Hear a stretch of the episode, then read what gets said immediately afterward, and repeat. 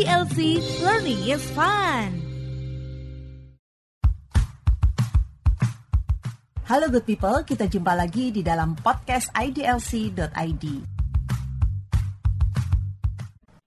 Halo good people, jumpa lagi bersama saya Irma Devita. Saya dengan Glenna.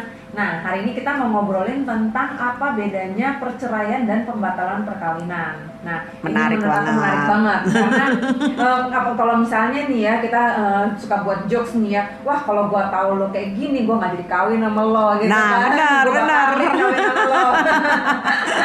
Itu sering tuh Glenn. Jadi gini, eh, kadang-kadang istilahnya gini, apalagi kita kadang-kadang gini yang dijodohin lah, yang tiba-tiba dia memang nggak kenal karena ibaratnya nih udah kepepet umur, udah dikejar umur gitu ya. yang penting kadang-kadang eh, Heeh. apa, terbuai sama eh, ide untuk pernikahan itu sendiri tapi Iya. bukan sama si orang ini gitu Heeh, ya. benar. Karena sadar gak sih Glenn, kita itu dibesarkan dengan dongeng Cinderella, happy, happily ever after. Iya dong, Heeh. pastinya. Karena dari kecil aja kita eh, kalau disuruh kasih nonton film ya sama orang tua kan nontonnya Disney gitu Disney, kan semua. ya. Dan Disney itu semuanya happy ending gitu loh. Iya, dan lagi apalagi kita ke membayangkan ya kayak cerita Cinderella misalkan ketika kita dalam kondisi eh, kayaknya susah, terus kemudian dalam kemiskinan atau dalam kesulitan, Tiba-tiba pangeran itu tiba-tiba pangeran berkuda putih atau eh, pangeran berkuda apa berbaju zirah dan berkuda putih menyelamatkan kehidupan kita Waduh, gitu loh Glenn. kan rasanya kayak apa? Kayak terangkat dari kubangan gitu Benar, rasanya. benar dan itu kayaknya mimpi hampir banyak orang. Jangan salah Glenn, semua orang banyak se- ya. eh, gadis remaja atau anak-anak yang memimpikan nantinya pokoknya hidupnya akan menjadi lebih baik ketika dia akan menikah gitu loh Betul, Glenn. dan mendapat dia mencari seseorang yang bisa membuat kehidupan dia lebih baik. Iya. Pastinya kan. semua Jadi ya itu pastinya ya. begitu. Jadi dia menganggap bahwa pernikahan itu adalah jalan keluar dari semua permasalahan kehidupannya. gitu, benar Glenn. benar benar dan apalagi terutama nggak bisa dipungkiri pasti kalau mau kehidupan yang lebih baik adalah pasti kamu harus cari orang yang kemampuan ekonominya baik Baik, salah betul. satunya pasti itu tapi Heeh. dan yang sering terjadi adalah orang eh, tergiur sama kayaknya dia bisa memberikan aku kehidupan yang baik nih Benar. nah misalnya dia bergelimang harta dia Hmm, dari keluarga hmm, yang terkenal terpandang kayaknya eh, pasti kehidupanku terjamin lah ke depan gitu ya apalagi sekarang lagi kondisi eh, susah eh, Benar. apalagi eh, ada latar belakang latar belakang lain misalnya aduh aku lagi butuh uang nih untuk ini untuk ini gitu tiba-tiba Hmm. ada orang yang datang seperti itu langsung udah yang lainnya logikanya semua lupa ya mbak ya Benar, benar. Apalagi memang eh, kecenderungannya eh, keluarganya juga memang dalam kondisi susah. Mm-mm. Jadi begitu ada ibaratnya anak perempuannya laku nih gitu lah dalam tanda kutip laku gitu kan, langsung udahlah didorong-dorong. karena ibaratnya juga mengurangi beban kehidupan dari orang tuanya sendiri juga gitu loh benar, Glenn. benar benar. Nah. apalagi satu rumah dia udah dempet dempetan wah ini kalau satu keluar nih udah berkurang nih orangnya. berkurang kamarnya jatah makan jatah jatah mulut yang harus dikasih makan tuh lebih ber- Bener, lebih berkurang bener, gitu. Nah, ini eh, suatu fenomena perkembangan dalam kehidupan juga Glenn. Ketika eh, kalau dulu kan memang eh, kondisi perekonomian di Indonesia itu bisa dibilang kurang begitu baik ya ketika baru merdeka sampai kemudian dalam eh, era di 70-an gitu ya. Tapi ketika orang sudah mulai masuk kepada generasi milenial apalagi Gen Z dan sekarang malah generasi alpha istilahnya eh, sekarang itu masalah eh, sandang pangan papan itu udah udah mulai ditambah satu lagi Glenn pulsa sandang pangan papan pulsa gitu kan nah Udah eh, kuota udah kita. udah udah kuota nah sekarang akibatnya orang dianggap eh, pangan itu sudah bukan merupakan eh, soal lagi Mm-mm. tapi eh, dalam hal ini menciptakan banyak juga wanita-wanita yang mulai bekerja karena adanya emansipasi tadi. Iya. Nah, tapi side efeknya adalah seperti eh, kita ketahui bersama jumlah perempuan ini jauh lebih banyak daripada Hmm, laki-laki. Akibatnya jadi sering banyak perempuan yang tidak mendapatkan pasangan. Ya, Nah, kalah karena- bersaing ya. kalah bersaing Jadi gitu kan. eh, merasa harus kayaknya gue harus mati-matian banget nih untuk saingannya menang gitu. Ah, bener Glenn. Dan sa- saat ini orang itu banyak banget Glenn ketipu dari eh, pasangan. Sekarang kan cara cari jodoh itu susah. Orang jadi pakai aplikasi kencan. Mm-mm, sekarang banyak banget loh model modelnya macam-macam dan eh, jangan kan gitu kita di sosial media aja sering digunakan untuk menemukan pasangan Nah, dengan- benar. orang selalu berpikir dari sosmednya kita bisa melihat nih orang ini kayak apa. Nah, ya kan? padahal Dia- hidup itu tidak seindah Nah, Instagram. itu. Sampai ada ada cerita itu Glenn ketika digambarkan orang tuh ada dipilih disuruh milih sama sama malaikat. Nih kamu kalau misalnya kamu milih masuk neraka atau masuk surga gitu kan. Begitu masuk neraka katanya eh, cuman cuman kayak eh, kehidupannya ada air terjun, ada makanan yang berlimpah. Masuk surga ya kayaknya biasa-biasa aja gitu. Akhirnya udah deh gue mendingan masuk neraka. Eh begitu masuk neraka lu dibakar dan di, disiksa. Kok kayak gini? Ah, itu kan cuman screen saver katanya gitu. nah kembali lagi nih Glenn ke topik kita nih Glenn.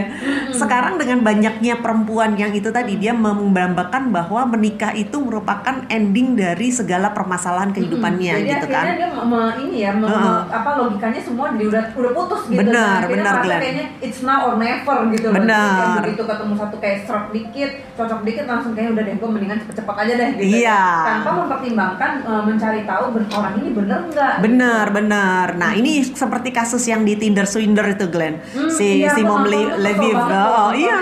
Jadi dia bisa menipu di berbagai negara punya Hmm. wanita lain. Jadi kehidupannya itu dibiayai sama uang dari si cewek-cewek tadi. Padahal cewek-cewek Hmm. itu juga bukan orang yang kaya-kaya banget.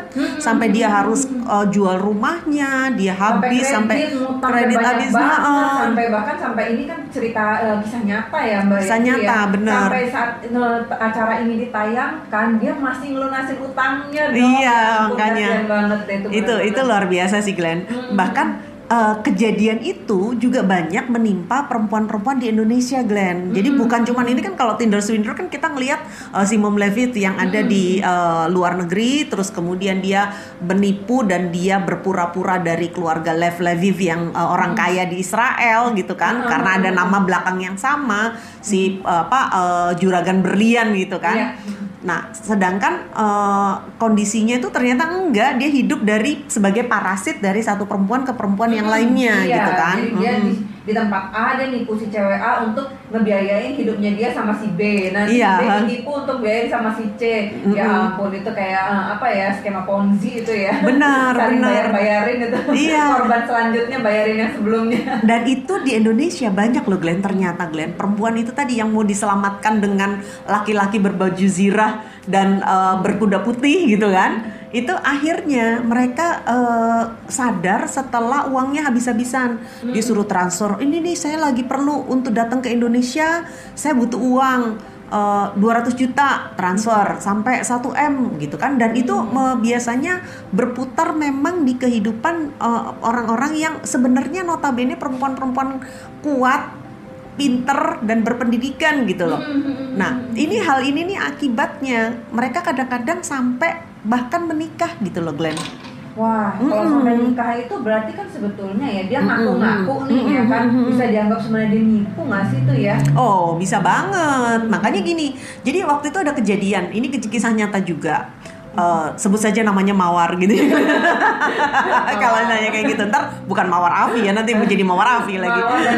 Mawar dan Melati. Nah, dia itu sampai dia menikah dan akhirnya eh, ternyata dia baru sadar bahwa itu ternyata semuanya itu benar-benar screen saver seperti yang eh, di dalam cerita milin neraka atau surga gitu. Ternyata s- screen saver dan itu ternyata nggak kerja, mabuk-mabukan, ampun. judi dan dia ngerasa salah besar gitu loh. Dia Glenn dia baru eh, menikah terus kemudian dia eh, memutuskan akhirnya eh, ini kayaknya kesalahan dalam satu keputusan yang salah, bad investment gitu kan dalam Iya, kehidupan. iya, iya. Jadi setelah dia eh, ibaratnya menikah selama seminggu, pertama kali dia udah curiga nih, katanya sibuk, katanya dia punya perusahaan, tapi kok dia nggak ngapa-ngapain gitu. Terus Nggak udah gitu nggak ya. pernah ngapa-ngapain, udah gitu terus udah gitu ternyata malah mukul, malah KDRT dan ampun. sebagainya gitu ya Glenn. Terus dia memutuskan, waduh nih gue salah pilih nih gitu kan. Akhirnya dia memutuskan untuk ah udah dia pisah aja gitu.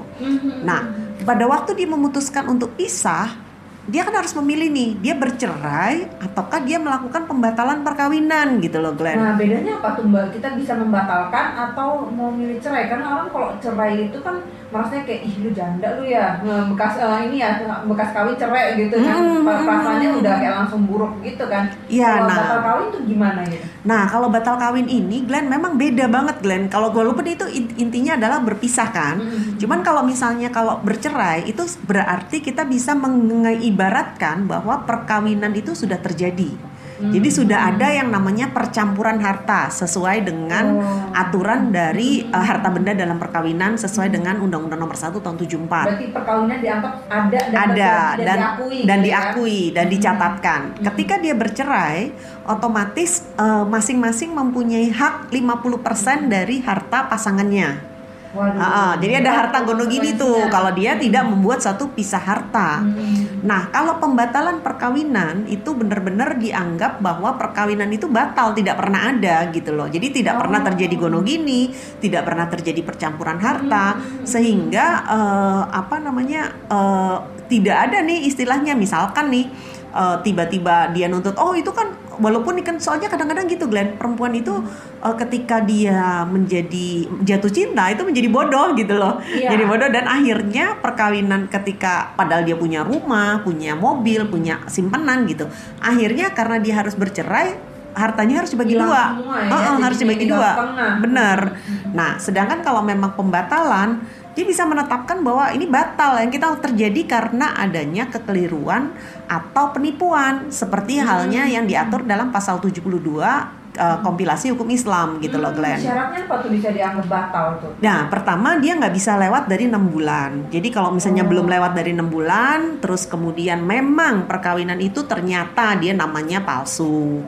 Terus Hmm. kemudian dia menipu seperti eh, halnya dengan Simon Simon Levy ya. Hmm, Tentunya dan dia harus ganti nama dia. benar dan harus membuktikan bahwa dia memang eh, melakukan penipuan itu gitu loh, Hmm, Glenn. hmm, hmm. Nah, kalau memang itu memang terjadi kekhilafan maupun penipuan, ya otomatis dianggap bisa kita menuntut untuk wah berarti gue salah sangka dong sama seperti pasal 1320 KUH Perdata karena pada dasarnya perkawinan itu kan suatu perjanjian untuk hidup dan membina suatu rumah tangga begitu kan Glenn Kesepakatan juga ya. kesepakatan.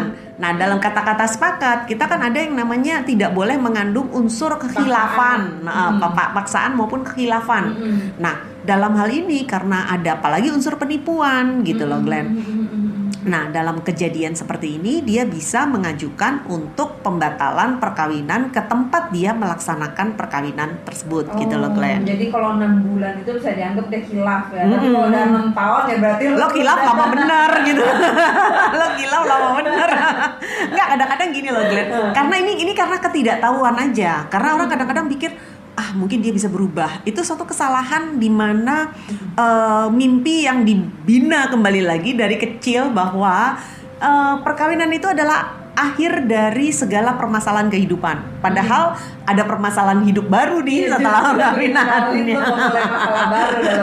Makanya kenapa begitu perkawinan itu kita selalu mengucapkan selamat menempuh hidup baru. Karena emang Iya. benar-benar hidup baru Iya. dan itu benar-benar suatu dunia yang kita tidak pernah bayangkan. Jadi kadang-kadang saya selalu menganjurkan nikmatilah hidupmu selama kamu masih bisa sendirian menikmati hidupmu, kamu Apa pun bisa itu yang ada, ada ya, yang nggak usah nggak disyukuri gitu nggak ya, usah ya. disyukuri. Hmm. Jadi artinya eh, ya eh, itu masalah takdir dan masalah kehidupan. Hmm. Tapi yang pasti kita harus eh, berhati-hati ketika kita memilih pasangan hidup. Jadi Hmm. jangan sampai istilahnya seperti beli kucing dalam karung gitu loh, Glenn. Hmm. Karena bisa juga ternyata dia pembunuh.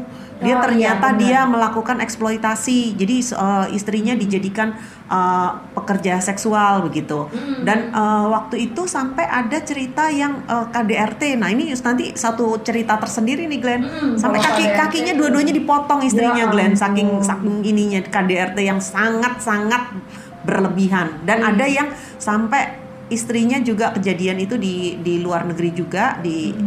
eh, Israel kalau nggak salah apa di Irak eh, dipenggal istrinya, Glenn. Ya ampun. Itu dan kita dulu sempat dihebohin sama Mm-mm. ceritanya ada seorang artis yang muda terkenal Mm-mm, banget mm-mm. nikah sama eh, tanda kutip eh, pangeran gitu ya di Mm-mm. di negeri seberang gitu. Iya. Tiba-tiba dipulangin gitu aja. Iya, ya, dan ternyata kita ya. penipuan gitu loh, Glenn. Ah, Nah, dan itu. ternyata eh, suaminya obsesif terus takut dia cantik diambil orang akhirnya dijelek-jelekin jadinya dipaksa Mm-mm. jadi gendut apa gitu kan itu kan eh, apa ya kita nggak tahu ya kita Mm-mm. karena terbuai sama dongeng itu tadi Iya gitu ya. benar-benar. Mm. Jadi kita lain kali harus hati-hati. Di sini Benar-benar juga pelajaran banget buat uh, para perempuan supaya uh, bisa membedakan ya masih ada exit nih ketika uh, ternyata kalian terjebak di dalam satu uh, peristiwa yang tidak bisa uh, terhindarkan itu masih ada exit.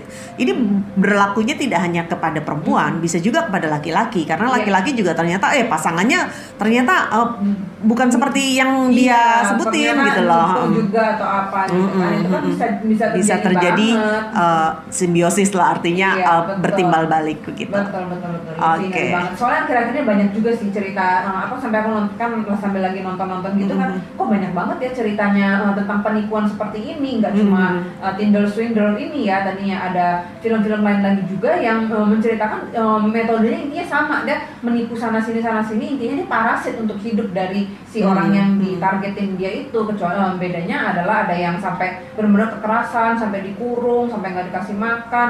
Nah itu yang ini sih ya apa namanya kita nggak tahu kita kalau ketemu sama orang kayak gitu mereka kan tanda kutip psikopat ya Benar, ya benar, itu benar. kita nggak tahu siapa yang kita hadapi kalau sama orang-orang seperti itu ya mbak ya. jadi Hmm. benar-benar harus ekstra hati-hati banget ya Iya, Mhm. jadi beware ya good people ya. Sampai hati-hati Oke, sampai ketemu di lain